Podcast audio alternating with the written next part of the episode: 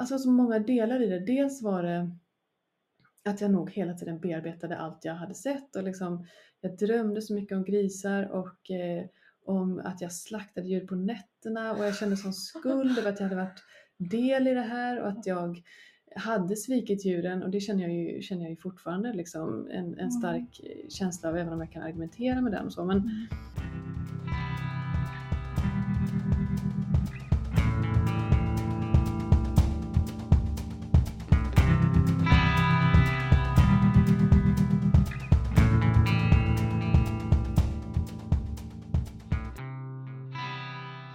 allihopa och välkomna till podden Alla älskar djur.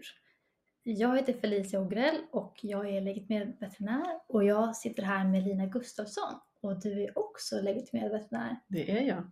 Och idag tänkte vi prata lite grann om eh, slakt eller grisslakt mer precis. Och det är framförallt därför att du Lina har jobbat som officiell veterinär på ett slakteri en Mm. period och sen så efter att du gjorde det så valde du att skriva en bok som har blivit ganska omdiskuterad som heter Rapport från slakteri. Precis. Vi sitter ju här nu och det är, vad är det? Det är inte ens en månad kvar till jul. Och eh, i tidningarna så ser man det ena julskinkereceptet efter det andra. Nej det gör man kanske inte Nej, riktigt än. inte än. Man vet att det kommer. Ja. Och eh, man vet känslan som brukar infinna sig. Just jag tänker, du har ju också sett grisslakt från insidan eh, som veterinärstudent när du var och gjorde studiebesök och så. Ja. Eh, och skrivit om det också, Mm. debattartiklar och sådär. Så att vi har ju båda eh, sett vad det innebär för djuren, eh, den här produktionen. Mm. Eh, så det tänkte vi prata lite mer om idag. Precis. Men det var några år sedan som du jobbade som officiell veterinär på ett slakteri, Mm. eller hur? Det var vintern 2017-2018 så eh, var jag anställd då på Livsmedelsverket som ju är den myndighet som kontrollerar eh, livsmedelssäkerheten framförallt på slakterier. Så jag var stationerad på ett av Sveriges största slakterier eh, där de slaktar 3000 grisar per dag. Mm. Det är ganska många. Det är många, det är det verkligen. Och får det gå undan. precis, det är en väldigt hög, ett väldigt högt tempo. Många djur eh, in och mycket kött ut kan man väl sammanfatta det hela med. Mm. Ja, ingen, ing- de flesta människor har inte tillgång till slakteri och det är en ganska hemlig verkstad kan man Mm. nästan säga. Det är ju fotoförbud och filmförbud, Mm. upplevde jag också på slakteri. Och eh, då tänker jag att de som inte har möjlighet att komma dit, hur upplever man om man, om man kommer till slakteri? Hur, hur är det att gå in där? Ja, bra fråga. Hur, hur, alltså jag tänker att man, man kommer med sig själv. Nej, men jag, jag vet inte om man kan svara generellt på det, men jag kan ju beskriva hur det såg ut. Hur det såg ut för dig? Mm. Och alltså att oftast det, det är inhägnat område. Mm. Man får skriva en kod eller så för att den ska bli insläppt. Mm. För att ingen ska ju råka komma in där och, och kunna filma eller visa hur det ser ut. Mm. Och sen som jag upplevde, det kanske är en liten ledande fråga eftersom att jag själv upplevt det. Så när man går in där och tar på sig gummistövlar och allting och går in och känner den här lukten också Mm. som är direkt innanför dörrarna. Eh, att det är lite speciellt Det är väldigt sån speciellt. industrilokal. Mm. Det är nästan en ritual att gå igenom alla de här eh, låsta dörrarna för att komma in i det som är kärnan eller hjärtat av det. Eh, och det är ju en speciell miljö också på det sättet att ja, men å ena sidan har man då den smutsiga delen som man kallar det, där det är djur och där det är, kallar det för stallet, där det är liksom hundratals levande grisar. Och på andra sidan, på den rena sidan då, där djuren har, eh, när djuren är döda, så är det bara förpackade eh, köttbitar. Ja. Mm, ja, som, det är ju bara en, som, eh, som ska Mm. levereras ut till affärer. Stora kylrum Ja, i precis. och mätte liksom temperaturer och sådär Ja. för att det ska vara eh, hälsomässigt Mm, säkert för de som precis. ska äta köttet. Och sen så lastas det iväg så att de styckar olika delar och sånt som, som ska vidare Mm, till affären. mm, Så det är ju så, sådana skilda världar från levande djur som kommer in. mm, precis. Men då som officiell veterinär, vad är det man ska göra då på slakteri? Vart, om man tänker, vart börjar det här ledet för djuren? Ja, det är ju att djuren eh, kommer med, på transportbilar då. Eh, som officiell veterinär så ska man kontrollera att de djuren som kommer är friska nog att bli livsmedel egentligen. Eh, och man står ju då och tittar när de lastas av. Eh, då kan det komma lastbilar, det är en stridström av lastbilar med släp som kommer och det brukar vara ungefär 260 grisar på varje, Mm. på varje transport Mm. i tre våningar. Då. Ehm, och ehm, så ska man titta när de går av bilen och se så att alla kan gå egentligen. Att inte någon har något brutet ben eller att det är några andra Mm. större liksom avvikelser som tyder på att det har Mm. funnits eh, uppenbara missförhållanden på, Ja, på, på gården. Om det är många djur som har samma typ av problem så, Precis. så kan man ju tänka att det är ett systematiskt fel eller anmäla kanske. Mm. Om det till exempel Ja. är är väldigt många som har eh, kraftiga svansskador eller eh, Mm. om de är extremt smutsiga eller om det till exempel det var någon gång där det kom många som hade revbensfrakturer. Eh, någon gång som de kom med, med eh, skiftnyckelmärken på ryggen. Eh, ja, men att, man, Mm. att det är mer ett, ett mer direkt våld Mm. eller Mm. att man får sådana misstankar. Och alltså man tänker man jämför när man jobbar på smådjursklinik så vill man ju utreda dem väldigt noga för att alla djur ska må bra och de ska inte ha ont någonstans. Och, och var sitter felet och så halta lite. Men, men det är lite en annan nivå man har. Kanske på som grisar när de ska ta sig till slakten. Ja, här handlar det ju inte om att eh, rädda den enskilde eller att, att, att försöka bota den enskilde utan det handlar ju mer om eh, tidpunkter för när den ska dö. Ska, den gå, ska grisen gå med de andra in i koldioxidbedövningen och slaktas och bli livsmedel eller ska den skjutas eh, när den kommer för att den ska slippa gå den här vägen Mm. in i Mm. koldioxiden då, och trängas med de andra eller vänta över natten Mm. på, på slakteriet eller så. Mm. Så att det, ju, det handlar ju mer om ehm, att skilja ut liksom, de som ska dö Mm. tidigare. Ja, precis. Och det är lite grann det du kan göra för djurskyddet, att se till att de dör snabbare. Det rent konkreta är ju Mm, det. Det blir ju ja. det att, att, det, det att, att, inte förlänga det här lidandet. Mm. Men i slutändan så, ja, ibland kunde man ju ifrågasätta då om det var värt det. Till exempel, jag vet, var någon gång, bara precis i början när jag var där så var det en gris som vi hade, som jag såg som haltade väldigt kraftigt och som jag trodde hade en fraktur. Och då så, den veterinären som jag var med då, när jag gjorde introduktionen, så eh, höll med mig då. Och så skulle vi försöka skilja ut grisen från de andra för att kunna undersöka den där frakturen och se om, eller undersöka benet och se om det var en fraktur och då kunna eh, skicka en anmälan om det i och med att man får inte till exempel att lasta en gris som har en fraktur utan det borde man ha sett och, och avlivat den på gården. Eh, men då så, eh, grisen blev ju jättestressad av att bli urskild från sin flock för de är ju flockdjur. Eh, och då så jagade vi runt den där grisen där och försökte, försökte få ut den. Den skrek och försökte ta sig undan och sprang ju jättemycket på det här onda benet.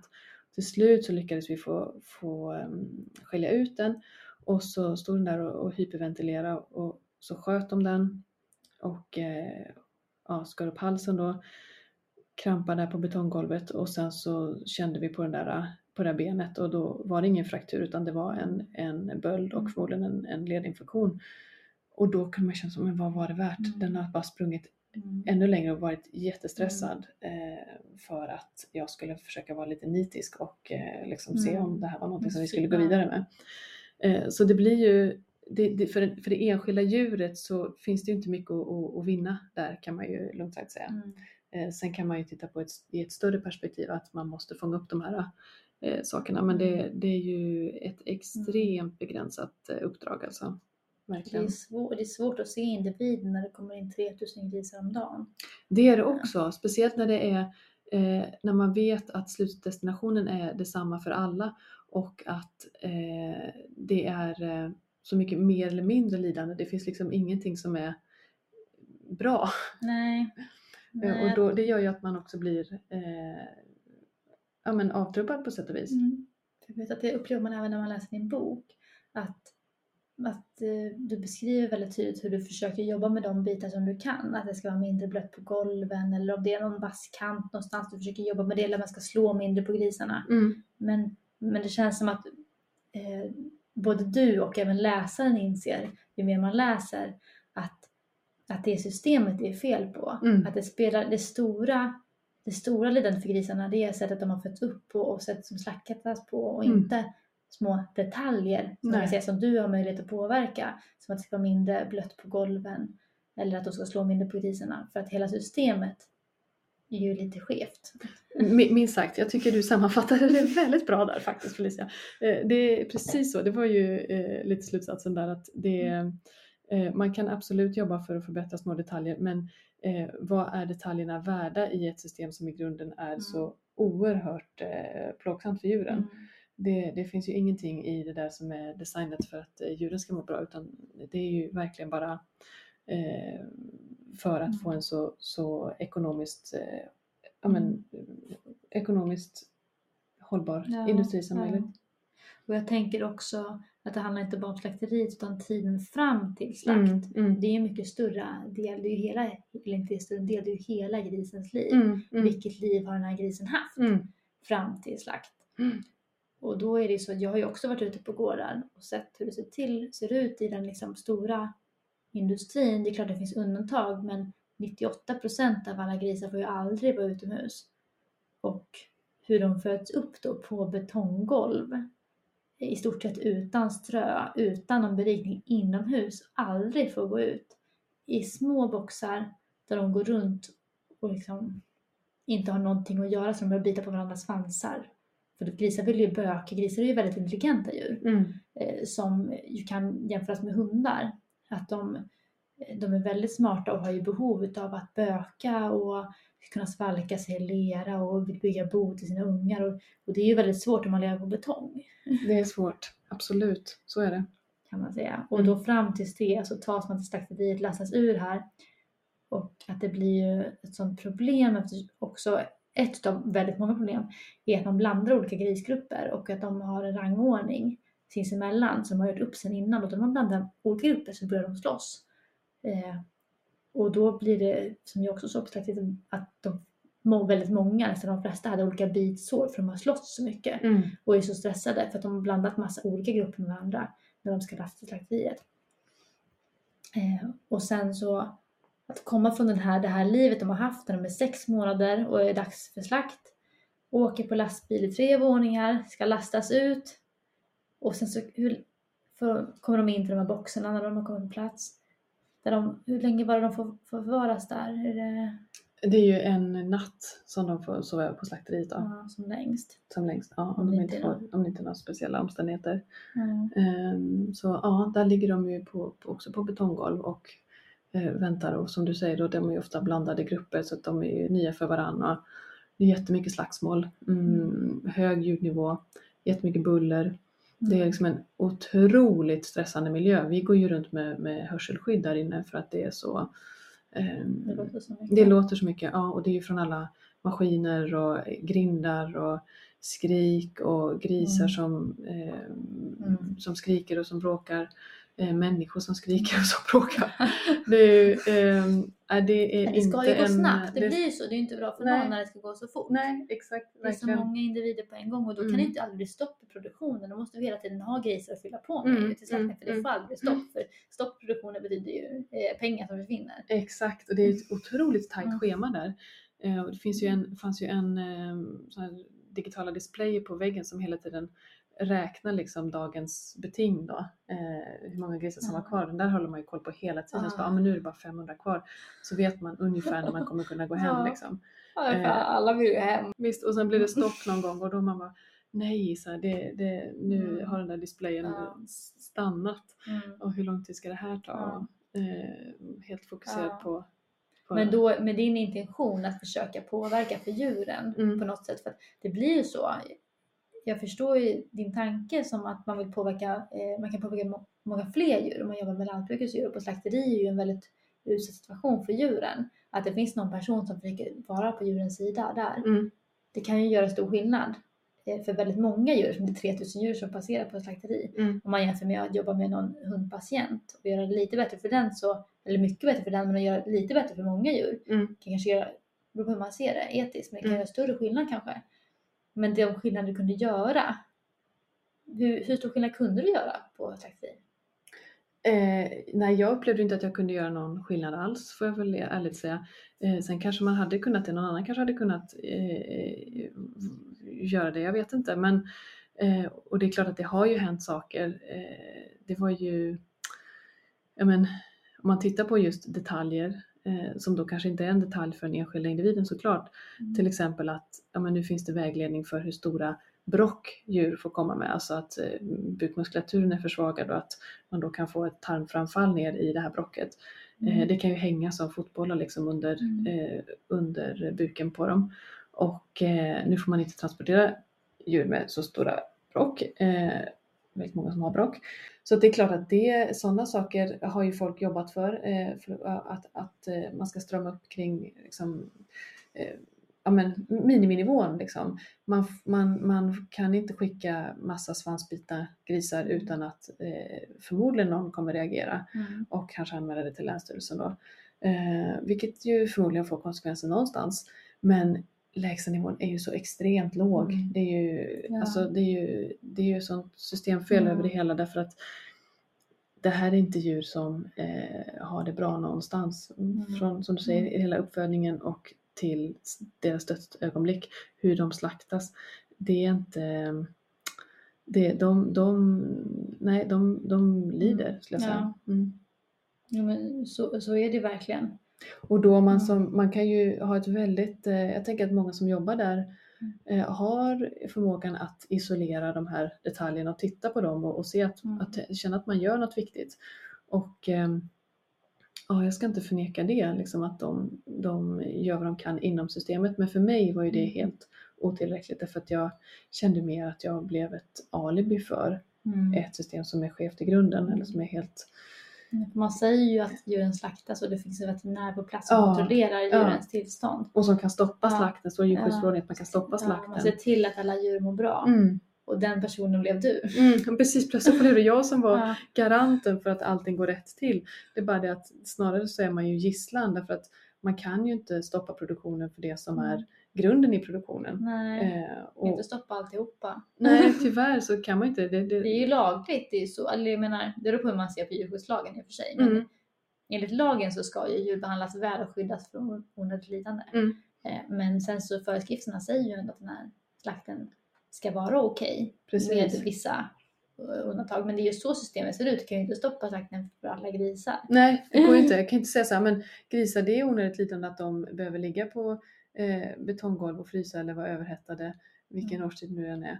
Och eh, att de ska eh, bli liksom hetsade fram i de här gångarna, att de ska tryckas Mm. in i en eh, bur för att sen sänkas ner i ett koldioxidschakt där de får panik av annöd och eh, eh, sen liksom få halsen uppskuren. Det är ju inte, det är ju hela grunden, det är ju så det är utformat. Ska Mm, vara så. ja. Och säger man att det är okej att slakta 3000 grisar på en dag, ja men då måste man ju Mm. förstå att det är, det är så det kommer Mm. eh, att se ut. Ja. Men det, det som jag tänkte hela tiden när jag var där, det var att om människor bara visste. Eh, för jag upplever att bara när jag träffar personer runt mig och berättar om det jag upple- upplevde på det här programmet eller det som jag ser i djurhållningen så reagerar många människor med vad ser det ut så? Eller om man frågar någon hur vet du hur en gris slaktas? Så vet de flesta inte det. För att det är så långt ifrån verkligheten. Mm. Att människor tänker inte på det, vi bara handlar mat Mm. i mataffären och vet inte om det. Det är ingen som vill berätta för det är ingen som har intresse att berätta det för oss. Hur djurproduktionen ser ut för att det är ju ingen som blir glad av att höra det.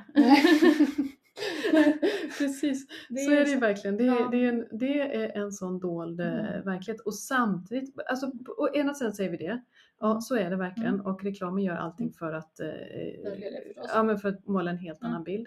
Samtidigt så här, ja fast vi har också som du säger föreskrifter som tillåter det här uttryckligen. Jag menar det, och det, det går ju att läsa sig till eh, bara genom att titta på, om man då tittar på grisproduktionen, att ja, men det är tillåtet att ha eh, 10 grisar på 9 kvadratmeter. Ja, Mm. men det kan man ju räkna ut själv att eh, det är lite det, trångt. det är lite trångt. Det blir inte jättemycket utrymme för dem. Och eh, att man får slakta med, med eller bedöva med, med koldioxid. Mm. Ja men det räcker ju att googla liksom eller slå på Youtube så kan man få upp Mm. klipp på hur det ser ut när grisar Ja, eh, kämpar för sina liv där nere. Så att det är ju inte som att informationen heller är den, helt... den eh, döljs inte. Nej, den Men det är ju- finns där för den som men- vill veta. ja. Mm. Och eh, alltså politiker, våra lagstiftare vet ju definitivt om det. Eh, Mm. Så att eh, det känns lite förenklat också att säga att det bara är att folk inte vet. Jag tror också att det är en avvägning att man säger att Mm. ja, men vi tycker, vi har värderat eh, den här industrin högre än djurvälfärden. Mm. Men om vi då går vidare tänker jag, att när du var på slakteriet, att då glassas de av och du kontrollerar dem då och sen så är de i boxarna och väntar på slakt. Men sen när de väl slaktas, hur går detta till då? Ja, då eh, kommer det någon och, eh, från, från eh, slakteripersonalen då och, och öppnar de här grindarna och driver ner dem eh, mot eh, den här koldioxidburen då, butinan som det heter, som är slutstationen där. Eh, och då kan det vara lite olika gångar som de får gå i. Eh, och där vill de ju oftast inte gå utan de försöker ju stanna och vända sig och gå åt andra hållet och de känner ju på sig att det är någonting där. Eh, och då, det som, som, som jag upplevde då var ju att det var väldigt mycket eh, våld, mycket slag, eh, kanske Mm. spruta vatten på dem. Ja men på olika sätt försökte få dem att gå framåt då. Eh, och grisar som är motstånd i grupp kan ju vara eh, jäkligt envisa alltså. Så att, Det är ju mycket, de väger mycket. De väger ju- gris är ju rätt ordentlig. det är inte lätt att flytta på dem och klappa lite. Nej, Liksom. nej precis. Eh, och så är de stressade och rädda och så. Eh, men sen sista biten, då är det ju en mekanisk vägg som, som eh, åker ner och trycker fram dem istället. Och det har man ju också infört i det här systemet av, säger man då, av djurskyddsskäl egentligen. Därför att det ska vara mindre mm, eh, beroende av att den som driver dem är på gott humör ungefär. Väggen, väggen är liksom, den, den är rättvis, den gör ingen skillnad eh, Mm. på hur någon mår eller så, utan det är bara att köra på. Mm. Eh, och in i den här, eh, trycker, trycker in dem i den här um, eh, koldioxidburen då, butinan, Mm. som sen sänks ner i ett schakt i golvet. Och eh, där är det ju en hög koncentration av koldioxid. Och det är ju det sättet som de flesta grisar bedövas med i Sverige. Och det, ja, men det, har vi, det, har vi, det har ju seglat upp ändå på agendan lite grann de senaste åren.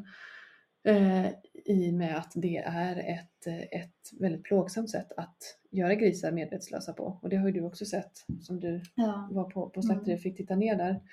För ehm, ja, men det som händer är ju att den här koldioxiden blir till kolsyra på slemhinnorna och eh, att det fräter när de andas in. Mm. De får panik också för att de inte får luft.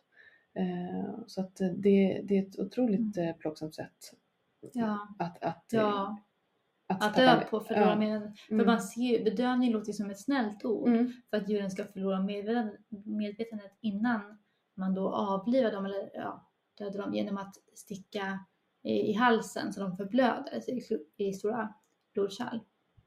Alltså det låter ju snällt men sättet att göra grisar medvetslösa på ehm, Alltså, jag hade ju hört om det innan jag Mm. var på slakteriet och jag hade varit på slakteri men jag hade aldrig tittat ner i koldioxidschaktet.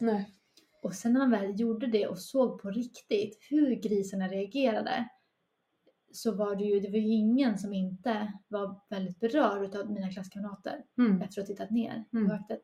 Vi fick välja själva då alla veterinärstudenter måste ha praktik på slakteri och så även jag då. Och då fick man välja om man ville titta ner i schaktet eller inte när vi Mm. var på den stationen. Och just då när man tittade ner, eller jag tittade ner, så först var grisarna ändå hyfsat lugna. De hade varit inschasade i den buren och så åkte de ner i hissen. Och sen så när de kom i höjd, för koldioxid är tyngre än, än luft, så den ju tung. Så det är därför det är praktiskt att ha det, för att det är är säkert för alla som arbetar där, att Mm. de inte ska komma i kontakt med det här.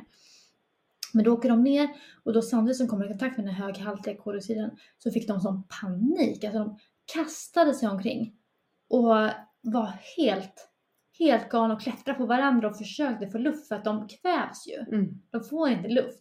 Så de har sån, sån syrebrist och kvävas samtidigt som det är så frätande. Mm. Som att det är så höghalt så det fräter med slemhinnorna och blir som till kolsyra på slemhinnor och lungor när de andas.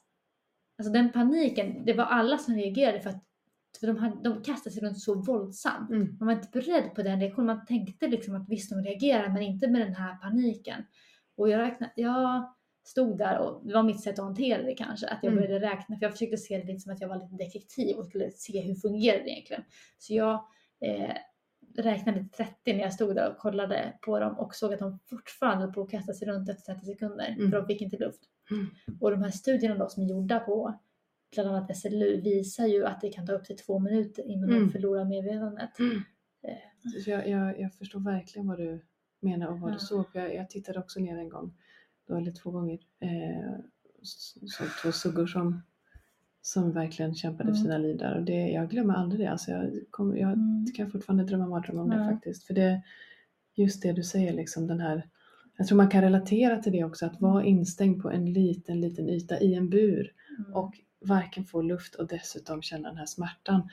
Och bara, ja men, alltså den klaustrofobin, den paniken. Eh, alltså, alltså att, att Mm. syresätta sig är ju en av de starkaste, eller det är väl eh, Det ska ju vara ett av de värsta sätten att dö på, inte få luft eller liksom att drunkna och så. Ja, och det, Alltså, det är ju verkligen mm. en, en biologisk eh, Reaktion. reaktion att man kämpar för att få luft. Eh, så det, nej, det är faktiskt Mm. riktigt hemskt, alltså verkligen. Ja. Mm. Det var ju då, då tänkte jag på att om bara alla människor såg det här, Mm, mm, om man kunde mm. liksom fotografera med min syn och Mm, visa det här för alla mm, människor så skulle väl ändå inte andra Nej. människor acceptera det här. Nej, så kände jag med. Ja. Och, och jag, jag kommer ihåg att, vi, att jag stod där med en annan veterinär som eh, faktiskt var djurskyddsansvarig på slakteriet. Och, eller på Livsmedelsverket och så tittade vi på varandra och jag bara jag var helt, jag var helt, eh, jag, kunde, jag fick liksom Mm. inte fram orden så jag bara det här är inte bra. Och hon liksom bara nej, det är det inte. Och sen var det som Ja. att vi, det, det, det tog Nej. slut jag bara Ja, det var, det var, det, det, man blev helt Ja. eh, mörk Ja. i själen alltså. Och ändå ses det här som ett, liksom ett lyft för djurskydd om man jämför med hur det var förr. Mm. När man använde som elbedövning eller bultning för att det hade sina andra problem. Mm. Så Och det kan vi ju mm. säga, elbedövning används ju fortfarande på vissa slakterier men då innan man införde koldioxidbedövning då var det ju på de storskaliga slakterierna när det var elbedövning då skulle de ju liksom trycka fram grisarna en och en eh, och sen sätta här elektroder på eh, över huvudet då. Och då när grisarna ska vara en och en så direkt så blir det mycket stress därför att de vill ju vara med sin flock och så. Så det här var ju som du säger, det var ju en vinst för att de, Mm. ja, man kan det ju trycka in en grupp. med det här. ja, Ja, för att då i den här tiden fram till dess, Mm. är mindre stressfull. Och, och, och, Ja. och, Och det- fast ändå är det ju inte på något sätt inte stress. Nej, nej allt är ju det- relativt. Alltså det är det som, som gör att man man tappar ju lite tilltron till. Och jag tror att det är också en nyckel till det här, alltså, alltså att allting är relativt. Och jag vet inte hur du upplevde på veterinärprogrammet, men jag kunde känna att ja, man var på en, man kanske åkte ut på en riktigt ehm, eh, ja, men, en, en grisfarm där det såg riktigt illa ut Mm. och folk blev upprörda. Ja. Sen åkte man till en som, som var lite renare, fortfarande grisarna eh, står på betonggolv inomhus eh, Mm. dygnet runt, har ingenting att göra. Men eh, kanske då sköts lite bättre. Och då tycker man plötsligt att det är Det var okej. ganska bra. Ja, det är som att extremerna legitimerar eh, Gärna ställs in på de förhållanden man har sett Ja, tidigare. verkligen, verkligen. Och att grisar då, om man kommer till något ställe där de har halm, ja men då är ju det plötsligt någon sorts Lyxliv. himmelrike. Ja, som att det är det enda de Ja. behöver för att må bra. Eh, Det är, så, det är verkligen ett relativiserande som Mm. utgår från det, det sämsta. Liksom. Mm. Eh, Så Mm. istället för att vända på det och utgå Mm. från vad behöver en gris för att må bra och hur borde ett Mm. grisliv se ut? Ja, Eh, Vilket ju är, det, det existerar ju inte i Mm. produktionen idag. Så det. Mm. Men hur, hur länge stod eller stod du ut? Nu lägger jag orden lite i mun på dig. Men, men hur länge jobbade du på slakteriet då? Eh, ja, det blev fyra och en halv månad ungefär Mm. Mm. eh, innan jag sa upp mig. Jag hade Mm. ett vikariat som var längre men jag, Mm. jag, eh, nej, men jag, jag, jag dels höll jag på, alltså jag, jag mådde verkligen dåligt av, eh, av att vara där men eh, framförallt kände jag ju att jag kommer inte kunna göra någonting här som har någon betydelse för, eh, för grisarna. Det, Mm. det, det går liksom inte. Eh, jag kan inte förhålla mig till de här detaljerna och sen också att jag själv blev faktiskt också avtrubbad och började förhålla mig mer till, ja, men till lägstanivån och till praxis och ehm, ja, lojal- lojalitet med massa olika saker som man tar hänsyn till när man jobbar på ett ställe. Ja. Det är, alltså ramen är ju satt. Vad ska du ändra på? Om jag säger så här, jag, liksom, jag vet inte hur många gånger Mm. jag tog upp och påtalade att Mm. de får inte slå på djuren. Mm. Det, är ändå, Ja. liksom, det, det får man ändå Det inte. återkommande i boken också. Ja, det är ju det. Mm. Eh, och alla håller med när man säger det. Nej, det är ett Mm. problem, vi får inte göra det. Och jag hittade ju en anteckningsbok som var, jag tror sju år gammal, där det var exakt samma observationer, där veterinären hade skrivit här, den och den slår på djuren, den och den slår på djuren, den och den slår på djuren. Mm. Eh, och då kan man ju säga det så här, Mm. ni får inte slå på djuren. Mm. Eh, nej, men samtidigt så är det så att vi ska slakta de här 3000 grisarna på den här dagen och det har alla gått med på. Och Mm. de måste in i, i den här Annars, rutinen. annars får ingen gå hem från jobbet. Nej, och de vill inte gå. Nej men hur ska vi få dem att gå framåt då? Ska jag locka dem liksom med en godisbit? Nej det kommer inte hända. Så att på något sätt så blir det också förhålla sig till Mm. den verklighet som vi har satt upp. Att det är ramen som är fel. Ja. Eh, det är inte den enskilda arbetarens Nej. liksom, utförande kan inte den ändra på systemet. Systemet finns. Man kan inte Mm. ändra systemet med detaljerna utan Mm. man måste ändra eh, helheten. Liksom. Men vad kände du när du slutade? Usch, aj, jag hade så mycket ångest alltså. Jag, det, det var verkligen en mörk tid också för att det var så svårt åt alla håll på något sätt. Jag kände att jag svek grisarna, att jag hade svikit mig själv. Eh, att jag alltså, kände jobbigt gentemot kollegorna. Eh, och eh, att jag kände mig så desillusionerad. Eh, och väldigt, väldigt eh, sorgsen. Ehm, över hur det såg ut och att lämna liksom grisarna för på något sätt så är det ändå som att jag vet jag skrev det i boken också att eh, min värld krympte till vad jag kunde göra innanför de där slakterigrindarna eller väggarna. Eh, att att det, det man är i det där hela, hela, hela tiden och när jag lämnade så visste jag ju att det där kommer ju fortsätta pågå. Det är, fort, det är ju Ja. samma sak, imorgon kommer exakt samma sak hända där. varje dag, varje Varenda minut, dag. Sen över hela ja. världen så händer det hela Ja, tiden. det är bara jag som slipper se Ja. det. Så Ja, det, det kändes som att ja. rädda mig själv. Mm. Eh, och, och samtidigt då som jag kan, som jag är ju glad att, ja, att jag skrev boken, att jag liksom försöker göra Eller på ett annat sätt. Ja, Mm. precis. Eftersom eh, jag tror att det måste förändras i Ja. grunden. Men, Men hur gick tankarna när du skrev boken och sen när den skulle släppas? ehm, ja, Nej, men för boken kom ju till utifrån att eh, jag hade skrivit dagboksanteckningar på vägen hem från, från eh, jag pendlade då med buss från slakteriet. Och eh, då hade jag skrivit ner liksom dag, typ varje dag om vad som hade hänt. Och det var ju egentligen bara för att jag ville, jag visste att jag ville komma ihåg det. Men jag visste också att om jag inte skrev ner det så kommer jag förtränga det. Hjärnan vill glömma Jag jobbiga så saker. gärna vill jag glömma det, Ja. verkligen. Um, så då skrev jag bara liksom i anteckningar på mobilen och sen så tänkte jag inte så mycket på det men Mm. så läste jag det sen ett tag efter att jag hade slutat och dels var det massa saker som jag hade glömt och dels blev jag berörd av vissa av de sakerna och kände liksom att ja men här finns ju en berättelse som inte bara eh, angår mig utan som faktiskt är Mm. eh, ja, men, som, som handlar om djuren och om den här Mm. processen och sådär och som, som alla borde, eller som många borde få ta del av. Och eh, för när jag var på slakteriet då kände jag inte alls att det fanns någonting att berätta egentligen utan tyckte att det här kan jag ju liksom, skulle jag kunna skriva på tre rader hur det är för det är samma varenda dag. Det är bara, ja, det är bara rutin liksom. Mm. Mm. Men det är också det som blir historien på något sätt. Att man, Mm. jag tycker du skriver på sånt sätt som man själv upplever. Du lägger inte orden i någons mun utan eh, man upplever själv att det bara fortsätter och fortsätter och Mm. fortsätter. Mm. Och så inser man eh, det orimliga i det här systemet. Mm. Att det tar aldrig slut. Det tar aldrig slut och det är bara Mm. nya individer. Så Mm.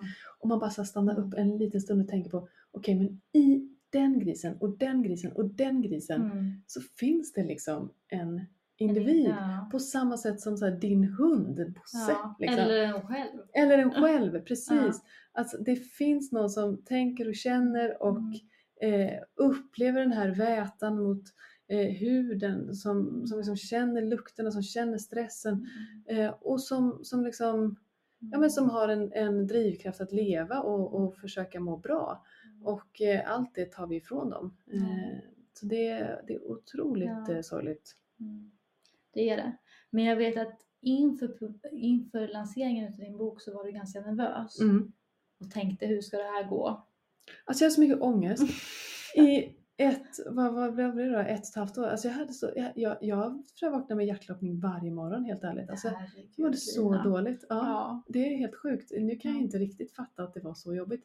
Men jag tror att det var alltså så många delar i det. Dels var det att jag nog hela tiden bearbetade allt jag hade sett och liksom jag drömde så mycket om grisar och eh, om att jag slaktade djur på nätterna och jag kände sån skuld över att jag hade varit del i det här och att jag hade svikit djuren och det känner jag ju, känner jag ju fortfarande liksom en, en stark känsla av även om jag kan argumentera med den och så. Men, Mm. eh, så det var ju liksom på något sätt grunden i ångesten, att jag hade gjort Mm. våld på mig själv, att jag hade blivit eh, att jag hade blivit mycket, jag, jag var inte den stenhårda veterinären som jag hade föresett mig att vara Mm. utan att jag också hade blivit Mm. invävd i det där Mm. systemet och tagit för mycket hänsyn till situationen och till praxis och till eh, människorna runt omkring mig då Mm. istället för att, att, att bara stenhårt gå på, på, på för djuren. Ehm, sen så kände jag jättejobbigt gentemot eh, kollegorna därför att det här är ju liksom veterinärkollegor, det är ju min egen bransch, människor som ehm, Och du tyckte om också? som jag tyckte om arbetade och som jag arbetade nära och som hade lärt upp mig. Eh, såklart att det blev att, jag, att de kände sig förrådda och eh, svikna av att jag då eh, gav ut en bok som handlar om dem. Det, men det är ju klassiskt liksom.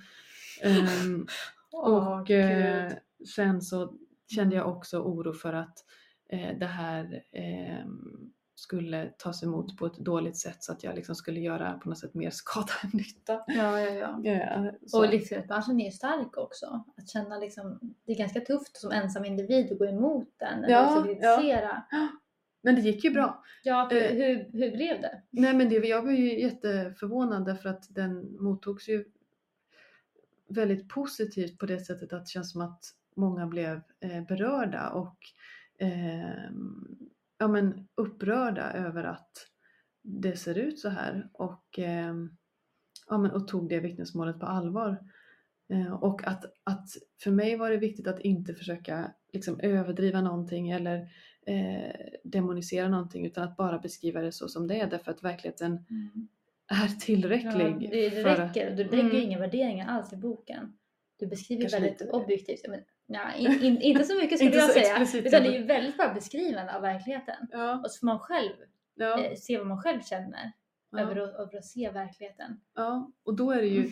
blir man ju glad eh, eftersom jag kände mycket när jag skrev det och framförallt såg det här Mm. att eh, andra reagerar på samma sätt. Samtidigt då som det känns, och, och, och det finns ju ett hopp i det, Mm. att så här, men, Ja, vi- mänskligheten ja, reagerar ändå ja, över det ja, här. vi, vi, vi, vi vill ju inte plåga djur eh, egentligen. Eh, sen är frågan, vad är vi beredda att ge upp eller att förändra eh, för att inte göra det? Ja, det är ju liksom fråga två. Mm. Men ehm, absolut att, att eh, det finns ju ett engagemang för djur som Ja. visar sig från så många olika håll Ja. och fortfarande får jag ju liksom mycket reaktioner eh, på, på, på det som framkommer i boken och sådär. Så att Mm. Det, vi har ju kallat den här podden för Alla älskar djur och det är för att det finns ju en uppfattning om att de flesta har ju en uppfattning om att de Ja. älskar djur. Mm. Eh, och, och det ska vi ju bara Mm. omsätta i praktiken också. Precis. Jag tror att många faktiskt älskar djur men man väljer att kanske blunda eller inte, inte söka information. Mm, mm. Eller man älskar kanske ett djur. Eh, Precis. och, Ja, men, ja, men jag tänker att det är lite som, som mänskligheten i övrigt. Att man, man reagerar mycket mer om det skulle hända något, något tragiskt i sin närhet. Eller om Ja. det händer på andra sidan jorden. ja. Så att ju mer distanserad man är Mm, eh, från de här djuren som man Mm. äter. mm, eh, Ju lättare blir det att bortse från, från deras lidande eller deras känslor. mm. Verkligen Men, men både din reaktioner för din bok och även efter att jag skrivit en debattartikel på, Mm. på ämnet. Eh, och, och det blev väldigt mycket reaktioner och många som, som såg det kanske absurda i hur vi hanterar, eller, eh, hanterar djuren och vad vi, vad vi gör mot dem. Mm, Eh, så att det talar ju ändå för att det finns människor som bryr sig och att verkligen. det finns potential för förändring. Det gör det. Det är Ja. ju ingen, och det är det som är bra med den här frågan på något sätt att det här är ju inte en, absolut det kräver ju, krävs ju en, en otrolig eh, systemförändring Mm. men det är ju inte så att vi egentligen behöver avstå från någonting. Det är ju faktiskt, alltså vi måste äta men det finns ingen naturlag som säger Mm. att vi måste äta kött utan Mm. vi måste få oss liksom, protein Nej. och, och Ja. alltså, Ja, men så är det byggstenar. verkligen. Men, Och, och man tänker hur mycket kött vi äter nu också. mm, Att det är producerat och så billigt kött som Mm. vi äter nu. Det finns ingen, ingenting som talar för att vi bör äta så mycket kött som vi gör nu. Eller så, alltså, och egentligen inte kött alls. nej. Och även om man ser till klimatfrågan till exempel så är ju kött inte så bra för klimatet. Nej. det finns ju många alternativ. Och nu när det närmar sig jul Mm. så ser man ju det extra mycket hur liksom köttet har en så stor del i Mm. vårt julfirande och vi ska ju, julen ska ju vara en högtid där man ser liksom kärlek och värme och att vi tar hand om varandra. Mm. Och sen samtidigt så ser vi inte den här bilden. Nej. Jag tycker att det liksom skär sig lite grann. Det skär sig Mm. verkligen. Man vill ju inte vara den där partypuppen som bara Ja men han vet ju hur julskinkan har På haft det." julafton med släkten. har varit där några gånger får jag väl ändå erkänna. Ja. Men, eh, men det är inte så kul. Eh, utan det hade ju varit härligare om man bara kunde samlas kring liksom, mat som eh, inte någon har behövt eh, plågas för. Mm. Och att eh, ja, men få, få Mm. dela det tillsammans. Ja. Så, eh, och det, jag ser ändå att det en dag kommer det att hända. Jag är så Mm. otroligt svårt att se att Mm. den här eh, extrema produktionen som Mm. måste döljas för allmänheten, att det ska pågå i all framtid. Det är, ju Nej. så, det är något så väldigt ohållbart över Ja. det här. Men det är det om man ser till, liksom, till historien. Så för hundra år sedan trodde man kanske inte att barn kunde känna smärta på samma sätt som Nej, nu. nej. Det är så himla nära i tid. Ja. Det är helt galet att man tänker att snart kommer väl, vi vet ju om redan att djur kan känna smärta, men snart måste det ändå komma någon slags vändning. Att vi kan Mm. inte behandla andra varelser på den här planeten hur som helst. Nej, nej. Människan bara tar över. Mm. Men vi, vi hoppas på det. Mm, verkligen. Och, verkligen. Och det finns många goda krafter. Det, det är ju inte... ehm, nej, det är verkligen inte skrivet i sten hur det här Nej. ska sluta. Ja. Nej, så med det får vi önska alla en väldigt god jul. det får göra.